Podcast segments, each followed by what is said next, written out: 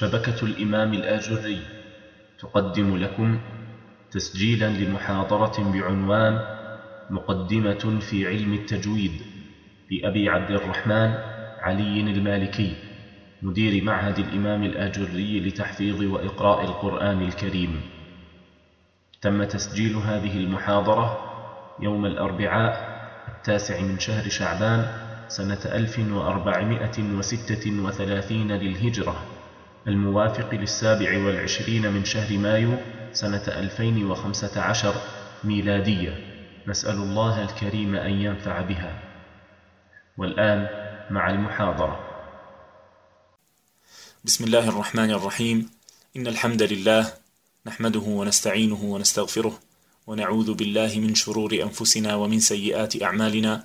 من يهده الله فلا مضل له ومن يضلل فلا هادي له وأشهد أن لا إله إلا الله وحده لا شريك له وأشهد أن محمدا عبده ورسوله. أما بعد هذه المحاضرة هي تمهيد ومقدمة لما سنلقيه عليكم في هذا المعهد إن شاء الله تعالى من الدروس في علم التجويد حتى يكون لدى الطالب تصور عام لماهية هذا العلم ويمضي فيه على بصيرة.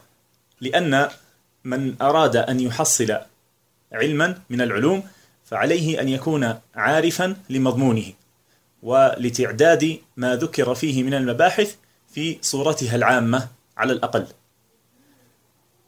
وقد اجتهدت في جمع جمع مادة هذه المحاضرة من عدة مواد بعضها مقدمات في علم التجويد وبعضها مقدمات لبعض الكتب.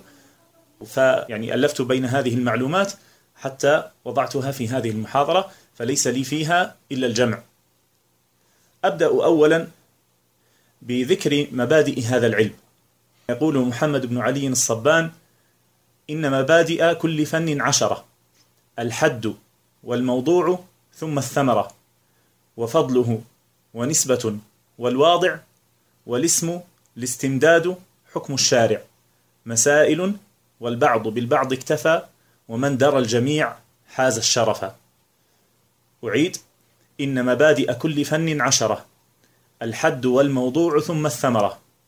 وفضله ونسبة والواضع. والاسم الاستمداد حكم الشارع. مسائل والبعض بالبعض اكتفى. ومن درى الجميع حاز الشرف. فأبدأ بأول هذه المبادئ وهو الحد ويعنى به التعريف.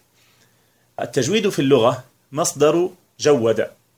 والاسم منه الجودة ضد الرداءة وقال ابن الجزري يقال جود فلان في كذا إذا فعل ذلك جيدا فهو عندهم عبارة عن الإتيان بالقراءة مجودة الألفاظ بريئة من الرداءة في النطق ومعناه انتهاء الغاية في التصحيح وبلوغ النهاية في التحسين. انتهى كلامه. وقال المرصفي يقال لقارئ القرآن المحسن لتلاوته مجود إذا أتى بالقراءة مجودة الألفاظ بريئة من الجور والتحريف حال النطق بها. انتهى كلامه. وأما التجويد في الاصطلاح فهو إخراج كل حرف من مخرجه مع إعطائه حقه ومستحقه.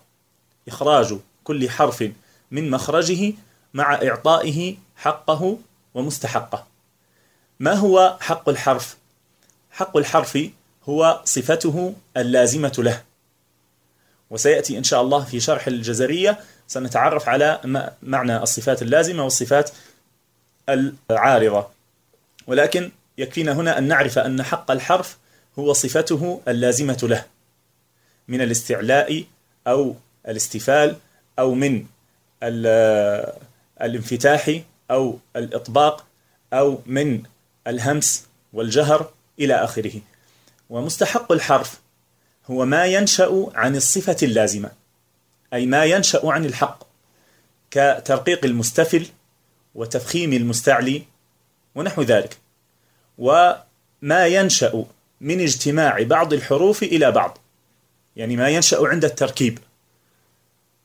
هذا فيما يخص الحد. نأتي للأمر الثاني من من المبادئ وهو الموضوع. فموضوع علم التجويد هو الكلمات القرآنية من حيث إعطاء حروفها حقها ومستحقها. الموضوع يعني ماذا يدرس هذا العلم؟ مثلا نقول الطب البشري يدرس آه، جسم الإنسان. فهذا آه، العلم الذي هو علم التجويد موضوعه الكلمات القرآنية من حيث إعطاء حروفها حقها ومستحقها. ثمرة هذا العلم هذا هو المبدأ الثالث. آه، ثمرة هذا العلم هو صون اللسان عن اللحن في لفظ القرآن الكريم حال الأداء. فضله آه، هذا العلم هو من أشرف العلوم لتعلقه بكتاب الله سبحانه وتعالى. نأتي إلى المبدأ التالي وهو نسبته أي نسبة هذا العلم من العلوم. فنسبة علم التجويد من العلوم آه، هو أنه أحد العلوم الشرعية المتعلقة بالقرآن الكريم. المبدأ الآخر واضعه. التجويد كما هو معلوم ينقسم إلى قسمين قسم نظري وقسم عملي. القسم النظري يعنى به القواعد النظرية والقسم العملي يعنى به الأداء يعني التطبيق. فأما القسم العملي فإن القرآن الكريم نزل من عند رب العالمين بهذه الأحكام. إذ إن القرآن نزل بأفصح اللغات وهو لغة العرب العرباء. وهذه اللغة كانت فيها تلك الأحكام من ترقيق المرقق وتفخيم المفخم وإدغام المدغم وإظهار المظهر وإخفاء المخفى إلى آخر ذلك مما هو لازم من كلامهم كما يقول عبد الدائم الأزهري تلميذ ابن الجزري. فجل الأحكام التجويدية هي أحكام اللغة التي نزل بها القرآن. ولذا نجد كثيرا من هذه الأحكام موجودا في كتب اللغة القديمة. ككتاب سيبويه وكتاب العين للخليل خليل بن أحمد الفراهيدي وكتاب معالم القرآن للفراء. إلا أن النص القرآني تميز ببعض الأحكام التي لم تكن موجودة في لغة العرب. آه، حصر بعضهم هذه الأحكام في أربعة أنواع. النوع الأول تطويل الغنن. ماذا نعني بهذا؟ تطويل الغنن يعني أن العرب كانت تقول مثلا إن فعلت ذلك إن فعلت. كانت تخفي ولكن لم تكن تقول إن فعلت ذلك. إن فعلت لم تكن تطول الغنة. كذلك تطويل المدود. كانت العرب تقول آه، ماء. ولا تقول ماء. آه، أيضا الأمر الآخر هو السكت في المواضع التي ورد فيها السكت. المراد بالسكت مثل وقيل من راق. هذا السكت لم يكن موجودا عند العرب وإنما تميز به النص القرآني. آه، الأمر الرابع الذي تميز به النص القرآني هو التغني يعني تحسين الصوت بالقرآن. فالعرب لم تكن تتغنى بكلامها.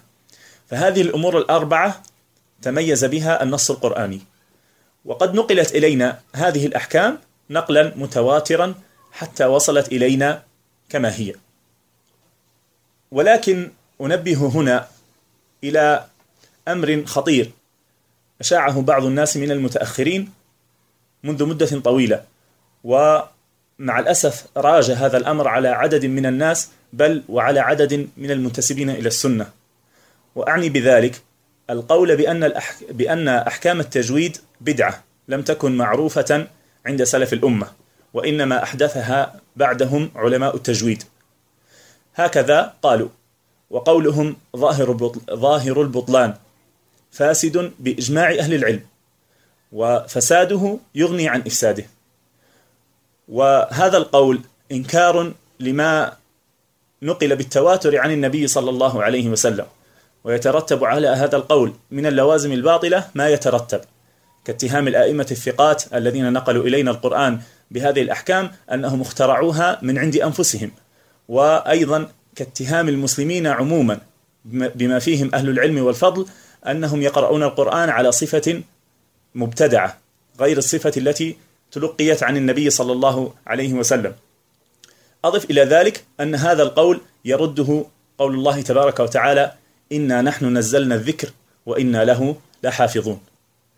وقد كتبت مقالا في شبكة الإمام الأجري وفي شبكة سحاب وغيرهما فيه تفصيل الكلام عن هذا الأمر والأدلة على بطلان ذلك القول. فليرجع إليه من شاء وهو بعنوان حتى لا يساء الظن بالأئمة. نعود إلى أصل كلامنا. ذكرنا آه، في آه، تحت مبدأ آه، الواضع قلنا أن التجويد قسمان. قسم عملي وقسم نظري. تكلمنا عن القسم العملي. الآن نتكلم عن القسم النظري. يعني وضع القواعد يعني من هو أول من وضع قواعد علم التجويد. فقيل إن أول من قام بذلك هو أبو الأسود الدؤلي. وقيل القاسم ابن سلام.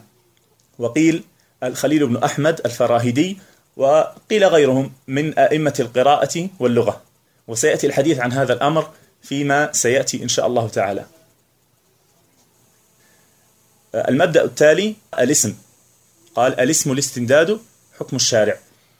اسم هذا العلم هو علم التجويد. وأما استمداده وهو المبدأ التالي فهو من تلاوة النبي صلى الله عليه وسلم. آه، المبدأ الآخر حكم الشارع فيه. أما التجويد النظري يعني العلم بقواعد علم التجويد حكمه الوجوب الكفائي تعلما وتعليما.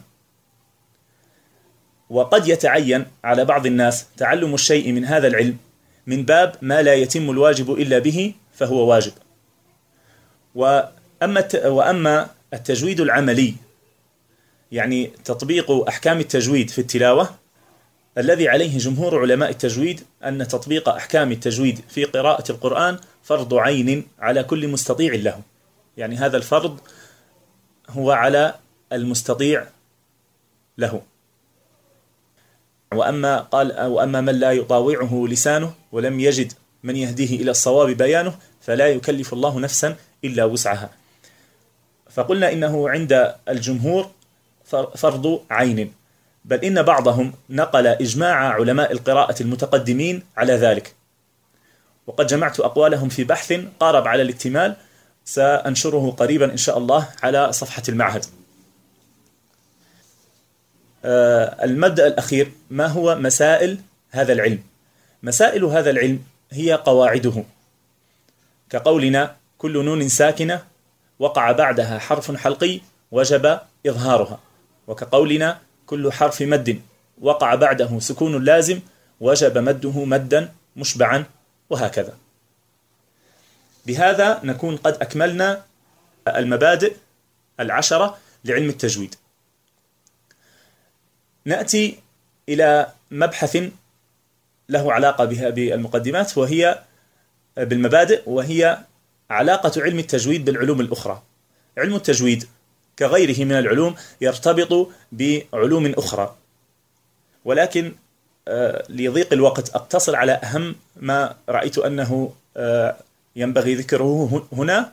فنذكر علاقة علم التجويد بعلمين وهما علم الأصوات وعلم القراءات. بالنسبة لعلم الأصوات نعرف أن من أهم مسائل علم التجويد مخارج الحروف وصفات الحروف. وهذا موضوع لغوي بحت. أول من بحثه هم اللغويون. فهذه علاقة واضحة بعلم الأصوات. إذ علم, إذ علم الأصوات ينقسم إلى ثلاثة أقسام. الأول علم الأصوات النطقي وهو يعنى بعملية إنتاج الصوت اللغوي. والنوع الثاني علم الأصوات الفيزيائي وهو يتعلق بانتقال الصوت اللغوي عبر الأثير إلى أذن المستمع. الثالث علم الأصوات السمعي. علم الأصوات السمعي. وهو يعنى بالأثر الذي يحدثه الصوت في السامع. الذي يعنينا في علم التجويد من هذه الأقسام هو علم الأصوات النطقي. آه، وهو من صميم علم التجويد. وهذا القسم مشترك بين الذين يدرسون اللغة والذين يدرسون علم التجويد. آه، العلم الثاني هو علم القراءات. علم القراءات وعلم التجويد كلاهما مختص بألفاظ القرآن الكريم إلا أن بينهما اختلافا يجعلهما علمين مستقلين. فعلم التجويد يعنى بحقائق النطق ويبحث في مخارج الأصوات وصفاتها وخصائصها. بينما علم القراءات يعنى باختلاف وجوه النطق المروية عن القراء في كلمات القرآن. مثلا صراط صراط الذين أنعمت عليهم. في علم القراءات كيف ندرس هذه الكلمة؟ ندرس هذه الكلمة أنه ما هي الأوجه التي وردت أو الروايات التي وردت في آه، الصراط. هنا صراط الذين أنعمت عليهم. فنقول إن حمزة قرأها آه، زراطة وحفص ومن وافقه قرأوها صراطة وهناك من قرأها سراطة في علم التجويد لا ندرس هذه الأمور وإنما ندرس الصاد مخرجها وصفاتها وندرس الراء مخرجها وصفاتها والألف مخرجها وصفاتها وهكذا. نبدأ الآن في موضوع جديد وهو نشأة علم التجويد. عرفنا أن علم التجويد يعنى بقواعد النطق الصحيح وهو يرتبط بقراءة القرآن خاصة وبالنطق العربي عامة. وإن قراءة القرآن صورة من صور النطق العربي وهي تخضع في جملتها لقواعد ذلك النطق وارتبط تدوين أصول أصول القراءة بتدوين قواعد اللغة العربية في المراحل الأولى. ثم استقلت بعد ذلك بكتب خاصة وأخذ اسما جديدا هو علم التجويد. الحديث عن نشأة علم التجويد يرتبط بالحديث عن علمين آخرين هما علم القراءات وعلم العربية. ففي ظل هذين العلمين نبتت مباحث علم التجويد ومن خلالهما تطور هذا العلم. ويمكن تقسيم نشأة علم التجويد على ثلاث مراحل. هي أولا مرحلة التلقي الشفهي قبل تدوين العلوم وهي تمتد من عصر النبوة إلى وقت ظهور المؤلفات الأولى في علم العربية وعلم القراءات في القرن الثاني الهجري. وكانت قراءة القرآن في هذه المرحلة تعتمد على التعليم الشفهي والتلقين المباشر. تعتمد على التعليم الشفهي والتلقين المباشر. وكانت قراءة القرآن في هذه المرحلة تعتمد أيضا على الملكة اللغوية السليمة للصحابة الذين نزل القرآن بلسانهم وعلى التعليم والتلقين لتلافي آثار التنوع اللغوي الذي برزت آثاره في العهد المدني بعد أن دخل الناس في دين الله أفواجا. وقد جاءت رخصة الأحرف السبعة لاستيعاب ذلك التنوع والتخفيف من آثاره. ثانيا هذه المرحلة, هذه المرحلة الثانية من مراحل نشأة علم التجويد. المرحلة الثانية مرحلة تدوين أصول التلاوة في كتب قواعد اللغة وكتب القراءات القرآنية. إذا المرحلة الأولى هي مرحلة التلقي الشفهي قبل تدوين العلوم. والمرحلة الثانية هي مرحلة تدوين أصول التلاوة في كتب قواعد اللغة وكتب قواعد وكتب القراءات القرآنية. وهي مرحلة يعني المرحلة الثانية تمتد أكثر من قرنين من الزمان من بدء التأليف في هذين العلمين حتى ظهور أول مؤلف في علم التجويد. وأقدم مؤلف وصل إلينا يتضمن قواعد اللغة العربية هو كتاب سيبويه. تحدث فيه في في الجزء الأخير في الجزء الأخير من هو في المجلد الرابع على الطبع التي عندي آه، تحدث فيه آه، عن مخارج الحروف وصفاتها وعن كثير من الأحكام والظواهر الصوتية التي تشكل أهم موضوعات علم التجويد. وعلم القراءات أقدم نشأة من علم التجويد. وهما وإن كانا كما قلنا يختصان بقراءة القرآن إلا أن بينهما اختلافا يجعلهما علمين مستقلين كما ذكرنا. وأول كتاب جامع في القراءات هو كتاب أبي عبيد القاسم بن سلام رحمه الله لكنه مفقود ونقلت منه نصوص في بعض الكتب. لكن أقدم ما وصل إلينا منها هو كتاب السبعة لابن مجاهد. ابن مجاهد توفي سنة 324 هذا الكتاب فيه إشارات إلى بعض مسائل التجويد واطلعت كتب القراءات وعلماء القراءة بتعليم النطق الصحيح وضبط القراءة قبل قبل ظهور كتب التجويد المستقلة من خلال المباحث الصوتية التي دونوها في كتبهم ومن خلال التعليم الشفهي للنطق الصحيح. وصارت تلك المباحث جزءا من كتب القراءات حتى بعد ظهور كتب التجويد التي تخصصت بها. ثالثا هذه المرحلة الثالثة. المرحلة الأولى مرحلة آه، التلقين الشفهي قبل تدوين العلوم.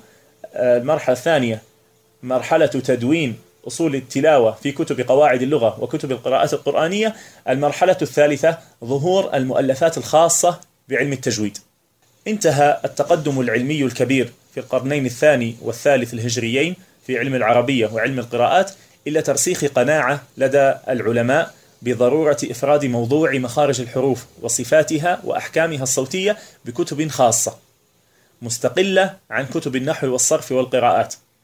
وشهد القرن الرابع ولادة علم جديد يحقق ذلك الهدف على يد أحد علماء القراءة وأحد علماء العربية. فقد نظم أبو مزاحم الخاقاني المتوفى سنة 325 قصيدة في حسن الأداء. في 51 بيتا عرفت برائية الخاقاني وبالخاقانية. وكتب أبو الفتح بن جني النحوي وهو متوفى سنة 392 كتب كتاب سر صناعة الإعراب في ذكر أحوال الحروف مفردة وبيان مخارجها وصفاتها وتصرفها في الكلام وأطلق على هذه المباحث علم الأصوات والحروف. واستطاع علماء القراءة أن يخطوا بهذا العلم هذا العلم الوليد نحو الاكتمال والاستقلال في حين توقفت جهود علماء العربية عند كتاب ابن جني الذي اختلطت فيه الدراسات الصرفية اختلطت فيه الدراسة الصرفية بالدراسة الصوتية. وظلوا يتناولون الموضوعات الصوتية في كتب النحو والصرف. وتمكن أحد علماء القراءة قبل نهاية القرن الرابع أن يؤلف رسالة في اللحن الجلي واللحن الخفي. كان لها دور في تأسيس علم التجويد وتثبيت أركانه. وقد كتب أبو الحسن السعيدي آه، المتوفى سنة 410 أبو الحسن السعيدي آه، كتب رسالة عنوانها التنبيه على اللحن الجلي واللحن الخفي. وهي رسالة صغيرة تقع في أقل من عشر ورقات. بدأها بمقدمة موجزة ثم تكلم على اللحن الجلي واللحن الخفي ثم تحدث عن كيفية تجويد ألفاظ الفاتحة كلمة كلمة. وعقد بعد ذلك أربعة أبواب قصيرة تحدث فيها عن كيفية النطق بالياء والواو والياءين والواوين ثم أعقب أعقب ذلك بالحديث عن عدة صور نطقية ينبغي التحفظ عند النطق بها خشية الوقوع في اللحن. ثم ختم الرسالة ببابين قصيرين.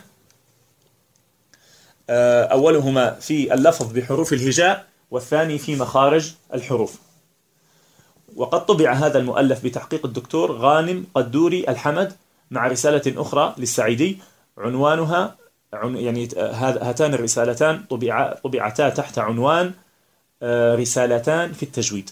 هذا هكذا هو عنوانهما. آه، وإذا كان أول مصنف في علم التجويد هو قصيدة الخاقاني فإنها جاءت موجزة وجاءت في قالب شعري والنظم لا يتأتى فيه ما يتأتى في النثر.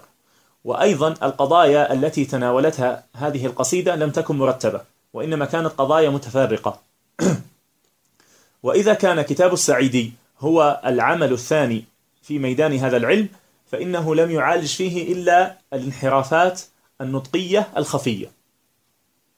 وإذا أردنا أن نقف على أول مؤلف اكتملت فيه صورة هذا العلم وحمل في عنوانه مصطلح التجويد فإننا سنجد ذلك في مؤلفات القرن الخامس الهجري وما بعده. وهذه المؤلفات تتفاوت بين بين البسط والإيجاز ومنها ما كتب نثرا ومنها ما نظم. ومنها المؤلفات العامة ومنها مؤلفات خاصة بموضوع واحد. ويمكن تقسيم تاريخ التأليف في علم التجويد على ثلاث مراحل رئيسة. أول هذه المراحل المؤلفات الأولى الجامعة. المؤلفات الأولى الجامعة. وسنذكر أهم هذه المؤل... يعني سنذكر أهمها مما هو مطبوع.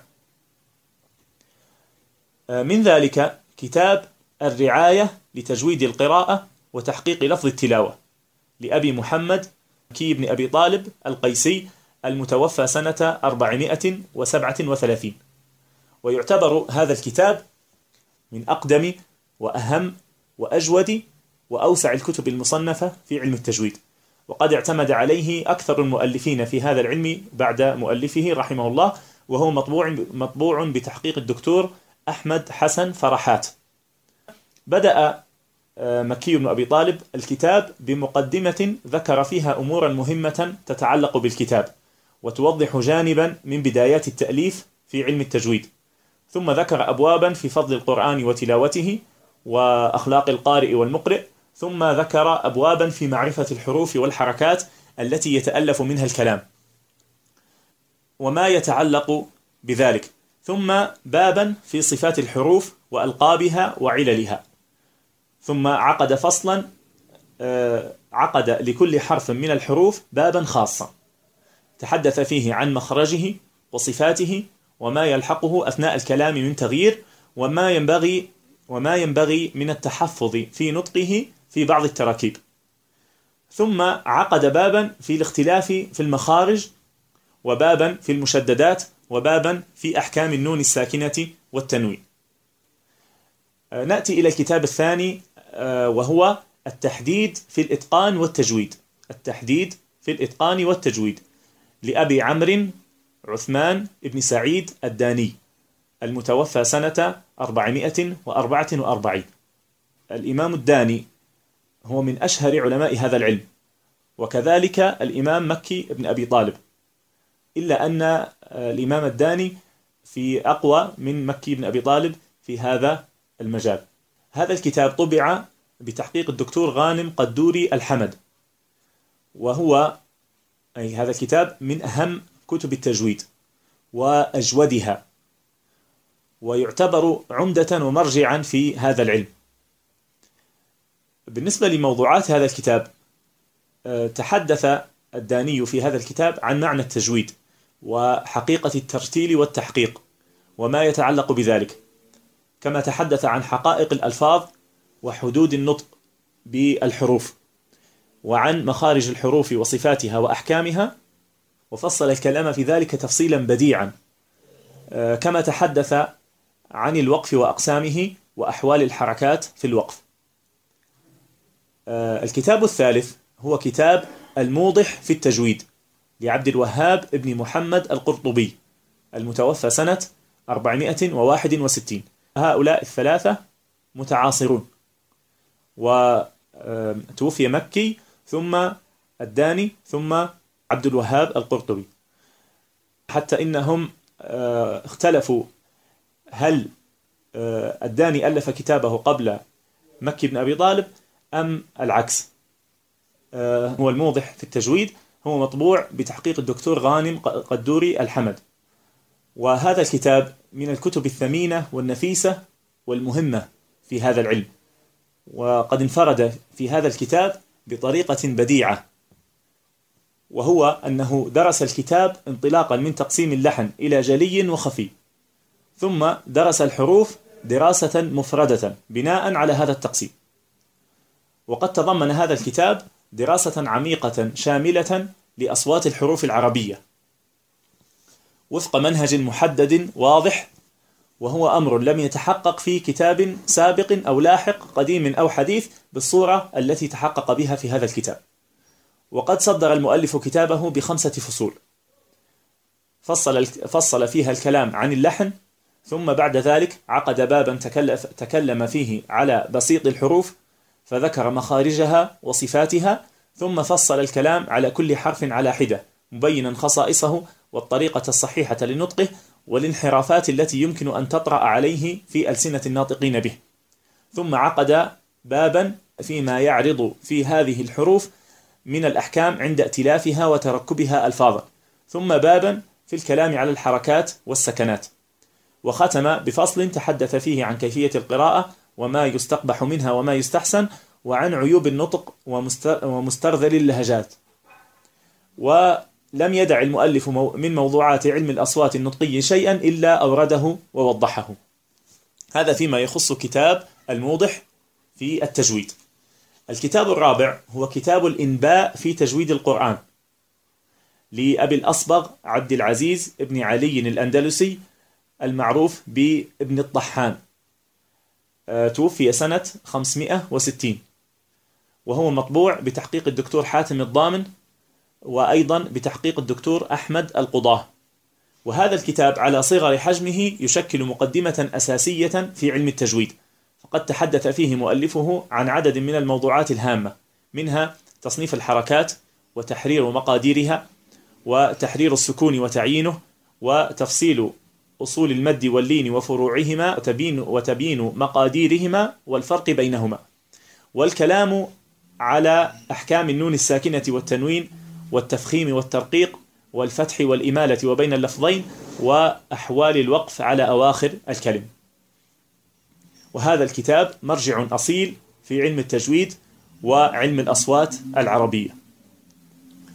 الكتاب الخامس التمهيد في معرفة التجويد لأبي العلاء العطار الهمذاني المتوفى سنة 569 وهو مطبوع بتحقيق الدكتور غانم قدوري الحمد.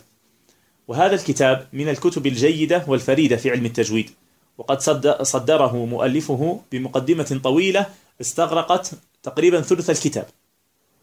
ذكر فيها آداب القارئ والمقرئ. واعتنى المؤلف في هذا الكتاب بذكر الأحاديث النبوية والآثار المنقولة عن السلف في باب التلاوة وتحسين الصوت. وهذا أمر يعني آه، تميز به هذا الكتاب. وقد ذكر ذكر هذه المرويات بأسانيدها واعتنى فيه. طبعا آه، هو لم يبين الصحيح من الضعيف يعني أسانيد هذا الكتاب تحتاج إلى دراسة. حتى المحقق لم يتناول هذه هذه المرويات بالدراسة. آه، وقلنا أنه اعتنى فيه أيضا بموضوعات لغوية. هذا فيما يخص الكتاب آه، التمهيد في معرفة التجويد. ويصعب ذكر جميع المؤلفات التي كتبت بعد القرن السادس آه، بعد القرن السادس لكثرتها. ولكن يمكن أن نذكر هنا جهود ابن الجزري التي تعد خاتمة مرحلة التأليف في هذا العلم وبداية مرحلة جديدة.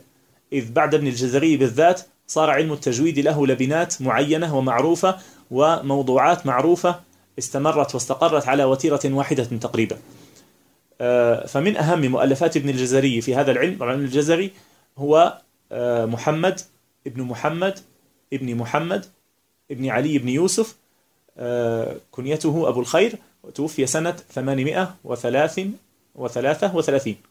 833 كتاب التمهيد في في علم التجويد الذي هو للعطار.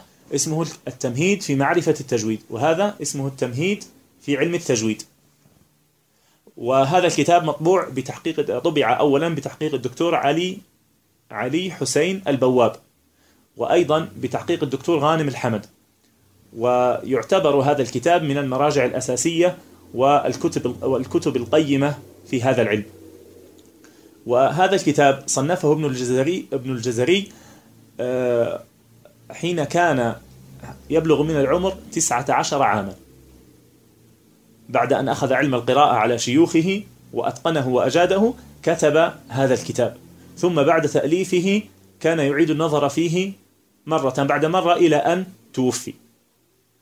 وكان آه، يضيف إليه أو يغير فيه كلما, كلما رأى ذلك ضروريا. آه، بما لا يغير من شكل الكتاب. ولضيق الوقت أحيلكم إلى فهرس الكتاب وإلى تحقيقاته لتقفوا على موضوعات الكتاب وعلى منهج المؤلف فيه. أيضا من أهم مؤلفات ابن الجزري في هذا العلم منظومة المقدمة فيما على قارئ القرآن أن يعلمه المعروفة بالمقدمة الجزرية. وهي مطبوعة طبعات كثيرة ومحققة تحقيقات كثيرة من هذه التحقيقات تحقيق الدكتور غانم الحمد. طبعا هو لم يحققها يعني لم ينشرها مفردة وإنما آه، تحقيق هذا كان ضمن آه، ضمن شرحه على الجزرية. وأيضا حققها الدكتور أيمن سويد ولكنه اعتمد على مخطوطة آه، تمثل الصورة الأولى للمنظومة. وأيضا حققه حققها محمد فلاح المطيري. وأيضا حققها الدكتور أشرف طلعت. آه، وقد حققتها معتمدا على عدة نسخ خطية ومطبوعة وعلى بعض شروحها ونشرتها على شبكة الإمام الأجري وغيرها بعنوان المقدمة الجزرية. وقدمها آه، شيخي إبراهيم بن محمد كشيدان جزاه الله خيرا. وتحدثت في في هذه في في هذا التحقيق على النسخ على نسخ الجزرية وما كان منها متقدما وما كان منها متأخرا. آه، قلنا هذه المنظومة صارت بعد تأليفها أشهر منظومات هذا العلم واستأثرت بمعظم جهود علماء التجويد في القرون المتأخرة. منهم من يشرح ومنهم من يعلق ومنهم من يحشي إلى غير ذلك. وصارت مقررا دراسيا لمتعلمي التجويد منذ حياة المؤلف حتى زماننا. ولا تكاد تجد طالبا من طلاب هذا العلم إلا ويحفظها ويستشهد بها. أيضا من كتابات ابن الجزري في هذا العلم آه، باب في التجويد آه، صدر به كتابه النشر في القراءات العشر. يعني قبل أن يبدأ في الكلام عن القراءات العشر ذكر في في في أول أول الكتاب في أوائل الكتاب آه، بابا ذكر فيه أحكام التجويد. وكتاب النشر طبع بتحقيق شيخ المقارئ المصرية في وقته علي بن محمد الضباع. وأيضا هناك طبعة أخرى لكن لا, لا أذكر اسم محققها. آه، هاتان الطبعتان آه، يقول بعض الباحثين أنهما آه، تقريبا الطبعة نفسها. حتى الأخطاء تجد الأخطاء نفسها. ثم خرج حققها الدكتور السالم ابن محمد الشنقيطي في رسالة علمية. حقق جزءا منه في رسالة علمية كانت رسالة الدكتوراه. ثم أكمل الكتاب وأرسله إلى مجمع الملك فهد تبنى طباعته ولكن لا أدري هل خرج أم لا. وهناك عدة مشاريع فردية وجماعية في تحقيق هذا الكتاب آه، ولكن لم أقف منها على شيء طبع. آه، ثالثا مؤلفات القرون المتأخرة. ذكرنا آنفا أن المقدمة الجزرية استأثرت بمعظم جهود المتأخرين من علماء التجويد وخرج عدد من المتأخرين من فلك المقدمة الجزرية وألفوا كتبا لا ترتبط بها. نذكر هنا بعضا من المطبوع من هذه الكتب. الكتاب الأول تنبيه الغافلين وإرشاد الجاهلين عما يقع لهم من الخطأ حال تلاوتهم لكتاب الله المبين. المؤلف هو أبو الحسن النوري السفاقسي المتوفى سنة 1118 وقد طبع هذا الكتاب في القاهرة منذ ما يقرب من ثلاثين عاما. وقد تميز بكثرة التنبيه على الأخطاء التي يقع فيها القراء. آه، الكتاب الثاني كتاب آه، كتاب اسمه جهد المقل. وشرحه مؤلفه في في كتاب عنوانه بيان جهد المقل. المؤلف هو محمد ابن أبي بكر المرعشي الملقب ساجقلي زادة. ساجقلي زادة. أه توفي سنة 1150 وقد حقق الدكتور سالم قدوري الحمد هو شقيق الدكتور غانم قدوري الحمد حقق كتاب جهد المقل وطبعه وكان منذ مدة يعمل على على تحقيق الشرح ولكن لا أدري هل أصدره أم لا. ويتميز هذا الكتاب باحتوائه على مادة صوتية فريدة. الكتاب الثالث منظومة تحفة الأطفال لسليمان بن حسين الجمزوري الشهير بالأفندي.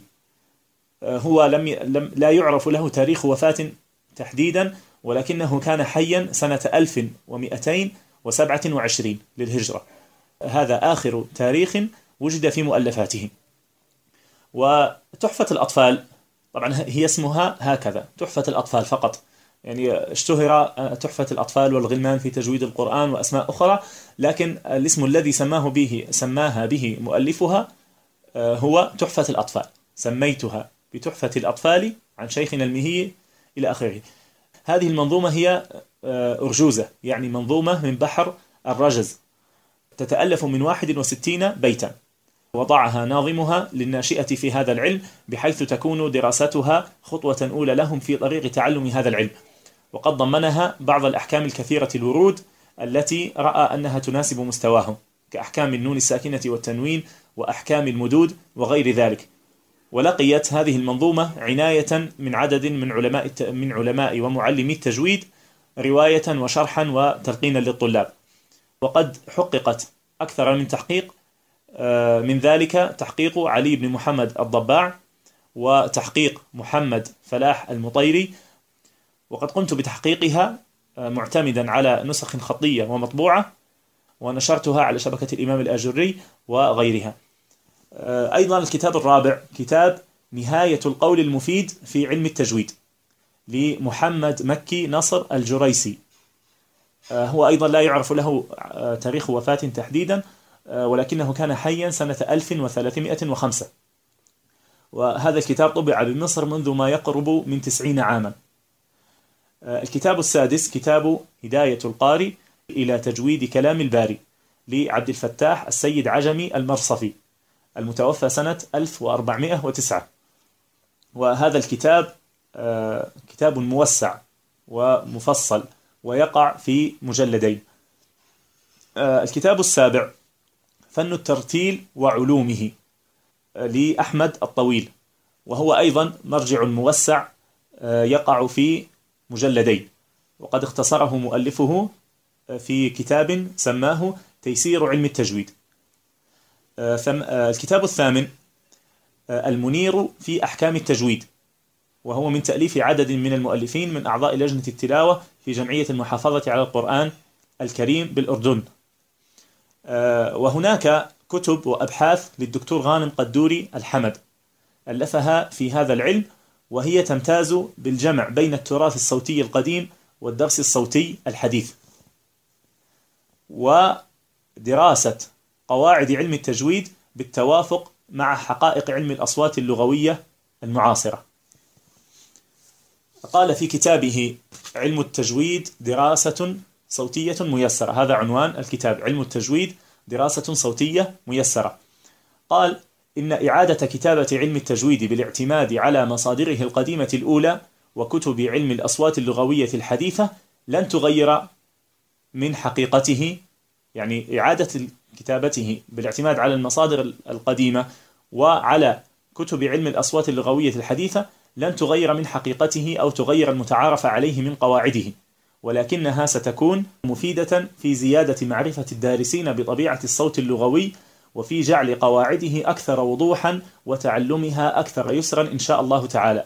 وهذا الكتاب هذا كلامه وهذا الكتاب هو محاولة لكتابة علم التجويد في إطار هذه الخطة مع العناية بالجانب التطبيقي والإكثار من الأمثلة لأن أساس هذا العلم فهم القواعد والقدرة على تطبيقها وليس حفظها وتردادها. انتهى كلامه. وكتابه المذكور حافل بمباحث جديدة ودقيقة. وله من المؤلفات أيضا أبحاث في علم التجويد والميسر في علم التجويد وشرح المقدمة الجزرية. يقع في مجلد كبير. واختصره في الشرح الوجيز على المقدمة الجزرية. آه، وقد امتاز عدد من الكتب المعاصرة بميزة لم تكن موجودة في الأعصر التي سبقت وهي الاستفادة من التقدم العلمي والصناعي في جودة العرض. فاستخدمت طريقة الجداول والتقسيمات المشجرة والتمييز بالألوان والرسومات التوضيحية للمخارج والصفات وكذلك إرفاقها بالأشرطة, بالأشرطة السمعية التي فيها التطبيقات العملية. وغير ذلك آه، ومن الكتب التي استفادت من من كل ما ذكر يعني بالتقسيمات التقسيمات والجداول والتمييز بالألوان كتاب اسمه التجويد المصور للدكتور أيمن سويد. قد صدر مؤخرا عن دار الغوثاني للدراسات القرآنية. وأختم هذه المحاضرة بذكر عدد من التنبيهات الهامة. التنبيه الأول مع كثرة التأليف في علم التجويد في زماننا إلا أنه ليس كل كتاب منها يقرأ. لأن الكثير من هذه الكتب ألفها أناس مبتدئون لم يتمكنوا في هذا العلم وليسوا متأهلين للكتابة فيه. ولا يخفى عليكم ما لحب الظهور وحب الشهرة من الخطر على الشخص وعلى من يأخذون عنه. نسأل الله السلامة والعافية. فأنت إذا نظرت في بعض الكتب تجد العجب. سأذكر بعض الأمثلة في فيما سيأتي من الكلام. أيضا من الملاحظات التي سجلها الدكتور غانم الحمد على كثير من المؤلفات المؤلفة في هذا العصر الاعتماد على مؤلفات علم التجويد المؤلفة في القرون المتأخرة وهي تفتقر إلى الأصالة والابتكار الذي تميز به الذي تميزت به المؤلفات الأولى لهذا العلم. وقد يكون في تأخر نشر في تأخر نشر هذه المؤلفات عذر وقد زال هذا العذر اليوم بعد نشر كثير منها. وأيضا من الملاحظات عدم يعني هذه الملاحظات التي التي سجلها دكتور غانم على آه، الكتب المعاصرة في علم التجويد. أيضا عدم الاستفادة من كتب علم الأصوات اللغوية الحديثة وحرمان المؤلفات المعاصرة في علم التجويد من المادة العلمية التي تضمنتها هذه الكتب مما يتعلق بكثير من موضوعات التجويد. وهي مفيدة أيضا في إيضاح بعض الظواهر وحسم بعض صور الخلاف في تناول في تناول عدد من الظواهر. آه، من ملاحظاته أيضا آه، قال آه، إنه يغلب على كثير من المؤلفات الحديثة في علم التجويد ضعف الإشارة إلى المصادر والمراجع التي يستمد منها المؤلفون مادتهم. وهي ظاهرة سلبية لا تناسب البحوث العلمية الجادة. وقديما قيل من بركة العلم أن ينسب كل قول إلى قائله. ففي ذلك حفظ حقوق من سبقنا والاعتراف لهم بالفضل وتحديد ما للمؤلف وما لغيره. وبث الثقة في نفس القارئ في المادة العلمية التي يقرأها. إلى هنا تنتهي ملاحظاته. أيضا من الملاحظات أن كثيرا ممن ألفوا في التجويد من المعاصرين جاءوا بأشياء مستنكرة وأشياء محدثة. ونحن نعلم أن هذا العلم مبناه على الاتباع لا الابتداع. من أمثلة تلك الأشياء قياس زمن الحركات بحركة الإصبع. يقولون آه، آه، الحركة هي قبض هي هي حركة الإصبع قبضا أو بسطا بحركة وسطى وهذا سنأتي إن شاء الله للكلام عليه. وهذا ميزان غير منضبط. وأيضا قولهم أنه ينبغي ضم الشفتين عند النطق بحرف مستعل وقولهم أنه ينبغي بسط الشفتين كهيئة المبتسم عند النطق بحرف آه، الياء.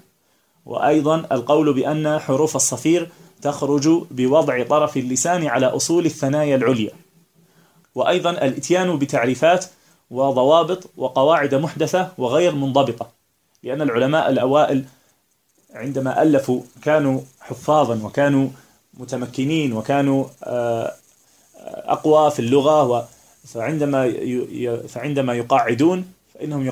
فإن قواعدهم تكون متينة ولكن المتأخرون قعدوا قواعد وتعريفات وضوابط آه، لم تكن كذلك.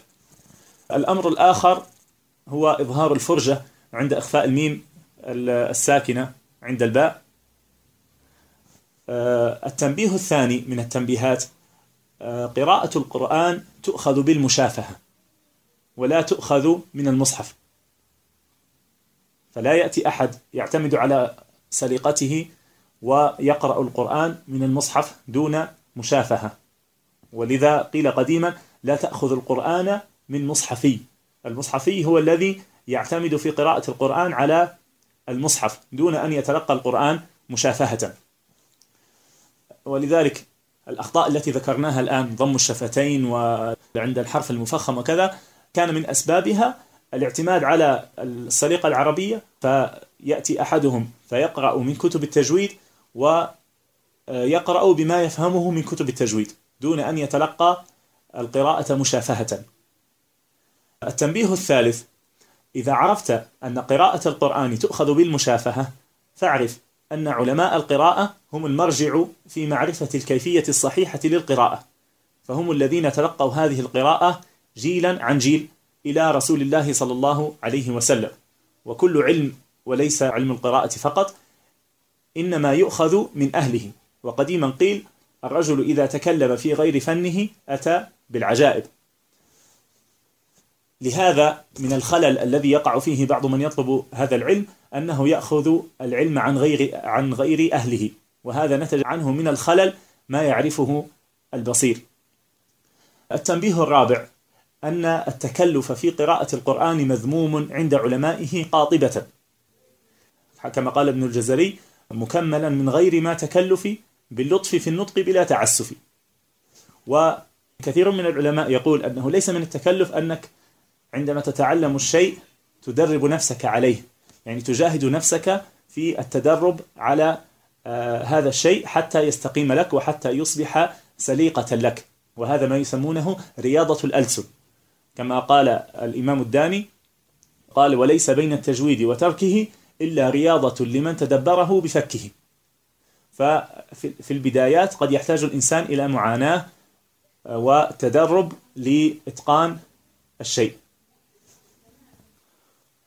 التنبيه الخامس أن سبيل الإتقان في قراءة القرآن هو رياضة الألسن والأخذ من فم المحسن مع الاستعانة بالله سبحانه وتعالى على ذلك. وسؤاله أن يوفقك له. التنبيه السادس قراءة القرآن توقيفية لا مجال فيها للرأي والقياس. كما قال الإمام الشاطبي رحمه الله وما لقياس في القراءة مدخل. وقديما قيل القراءة سنة يأخذها الآخر عن الأول فليس في القراءة مدخل للرأي. ونحن نلاحظ أنه من علماء القراءة المتأخرين من دخل في القراءة بقياسه ودخل فيها برأيه فخرج بأشياء مبتدعة في التلاوة. التنبيه السابع وهو ما تحدثنا عنه آه، منذ قليل اعلم أن أكثر علماء القراءة المتأخرين ليسوا على منهج السلف مع الأسف. آه، بل هم إما أشاعرة وإما ماتريدية وإما متصوفة وفي زماننا هذا متحزبة إلى غير ذلك. فاسأل أهل العلم عن كيفية وضوابط الاستفادة منهم ومن كتبهم. ولذلك آه، الشيخ الألباني رحمه الله تعالى كثيرا ينصحون أهل السنة بأن يخرج منهم من يتخصص في هذا العلم ويبرز فيه ويحقق مسائله لكي يغني أهل السنة عن الأخذ عن أهل البدع. ولهذا السبب نحن آه، أنشأنا هذا المعهد. من أجل أن نغني أهل السنة عن طلب هذا العلم عند أهل البدع ولأجل أن ننشر هذا العلم بينهم. آه، نسأل الله سبحانه وتعالى أن يوفقنا لذلك وأن يرزقنا الإخلاص في ذلك. فأنا حتى عندما ذكرت المؤلفات آنفا إنما ذكرتها لتعريفك بمؤلفات هذا العلم. ولكن كيفية وضوابط الاستفادة منها ومن غيرها فهذا أمر تسأل عنه أهل العلم. فقبل أن تستفيد من الكتب أو المؤلفين اسأل عنهم وعن كيفية وضوابط الاستفادة منهم. التنبيه الثامن لم أتكلم عن علماء هذا الفن وطبقاتهم لأن هذا الأمر يطول. ولكن هناك كتب وضعت في تراجم علماء القراءة. من ذلك كتاب آه، غاية النهاية في طبقات القراء لابن الجزري. وأيضا هناك كتاب هو للإمام الذهبي اسمه طبقات القراء على ما أظن هو له طبعتان طبعة قديمة وطبعة جديدة. الطبعة الجديدة امتازت بأنها احتوت على القسم المفقود من الطبعة القديمة. هناك عديد من يعني عدد من الكتب التي تناولت تراجم علماء القراءة لا يحضرني منها أسماؤها الآن. ابن الجزري سلفي. ابن الجزري عفى الله عنه كان عنده تصوف. أيضا الشيخ غانم الذي استشهدت بكلامه هل هو على الجادة؟ لا أدري. يعني أما هو في في في تخصصه هو متخصص في في علم الصوتيات وله بحوث في في التجويد والقراءات ولكن لا أدري ما عقيدته.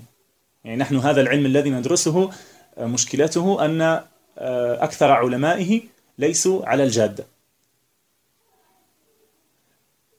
فعليك أن تتحرى وأن تتأنى وأن تسأل أهل العلم قبل أن تخطو في هذا العلم. نأتي إلى سؤال الأخ محمد جمعة. هل يمكن أن يعول على هذه الكتب المعاصرة غاية المريد والملخص المفيد في علم التجويد وتيسير الرحمن؟ غاية المريد هذه لعطية قابل نصر.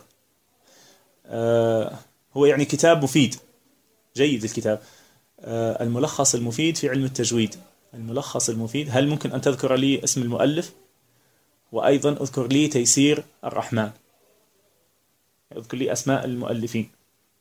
هل علم التجويد هو علم آلة؟ نعم. هو من علوم القرآن. هل المحاضرات التي ستقام إن شاء الله خاصة برواية قالون أم علم التجويد يشمل الكل؟ طبعا هناك أمر كما نبهنا عليه. علم القراءات يختلف عن علم التجويد. علم التجويد لا يختص بقراءة دون قراءة. علم التجويد هو هو علم كيفية تجويد القرآن بغض النظر عن الرواية التي تقرأ بها. واضح؟ أحكام التجويد صالحة لجميع الروايات. نعم نعم في أحكام في في كتب أحكام التجويد آه، لا تذكر الأحكام النادرة. يعني نحن مثلا عندما نذكر الإظهار نقول أن النون الساكنة تظهر عند عند حروف الحلق الستة. الهمزة والهاء والعين والحاء. لكن عندما آه، إذا رجعنا إلى كتب القراءات نرى أن من القراء من وهو أبو جعفر من يخفي النون الساكنة عند الغين والخاء. كتب علم التجويد تراعي الأغلب والشائع بين القراء. وأما الأحكام المفردة فتجدها في كتب التجويد الموسعة وكذلك تجدها في كتب علم القراءات. فما ما ما يدرس في علم التجويد هو عام. ولكن نحن ندرس في في الدورة العلمية الأولى رواية أصول رواية قالون وأيضا ندرس متون التجويد ندرس الجزرية وندرس الخاقانية يعني نحن في في دوراتنا مادة التجويد ومادة القراءات. هل كل يوم في درس؟ لا. يعني بالنسبة للدروس إعلانات الدروس ارتبطوا بالإعلانات. نحن كل شيء نفعله في المعهد صغير أو كبير نكتبه في صفحة المعهد إما على فيسبوك أو على صفحة المعهد على المنتدى. ما رأيك في الشيخ أيمن سويد؟ سئل عنه الشيخ أسامة العتيبي حفظه الله فقال هو من ناحية التجويد جيد لأنه هو طبعا هو من من علماء القراءات وعلماء التجويد. ولكن هو من ناحية المنهج يعني قال هو هو من منذ عرفناه وهو يعيش بين المتصوفة والمتحزبة. يعني فهو ليس على منهج أهل السنة. هل هذا الدرس مبادئ علم التجويد تابع لدروس القراءات أم هي؟ لا هذا الدرس. والمحاضرة التالية أيضا هي محاضرة تمهيدية التي هي مقدمات في علم القراءات. هاتان المحاضرتان هي عبارة عن مدخل إلى علم التجويد ومدخل في علم القراءات لأن الناس في الدورة العلمية الأولى سندرس علم التجويد وعلم القراءات. فهذه مداخل لهذه العلوم. ما الفرق بين التحفيظ والإقراء؟ التحفيظ هو أن أن تحفظ القرآن لمن لم يكن حافظا له. أما الإقراء فهو أن يأتيك شخص حافظ للقرآن ويقرأ عليك القرآن بغية الحصول على الإجازة.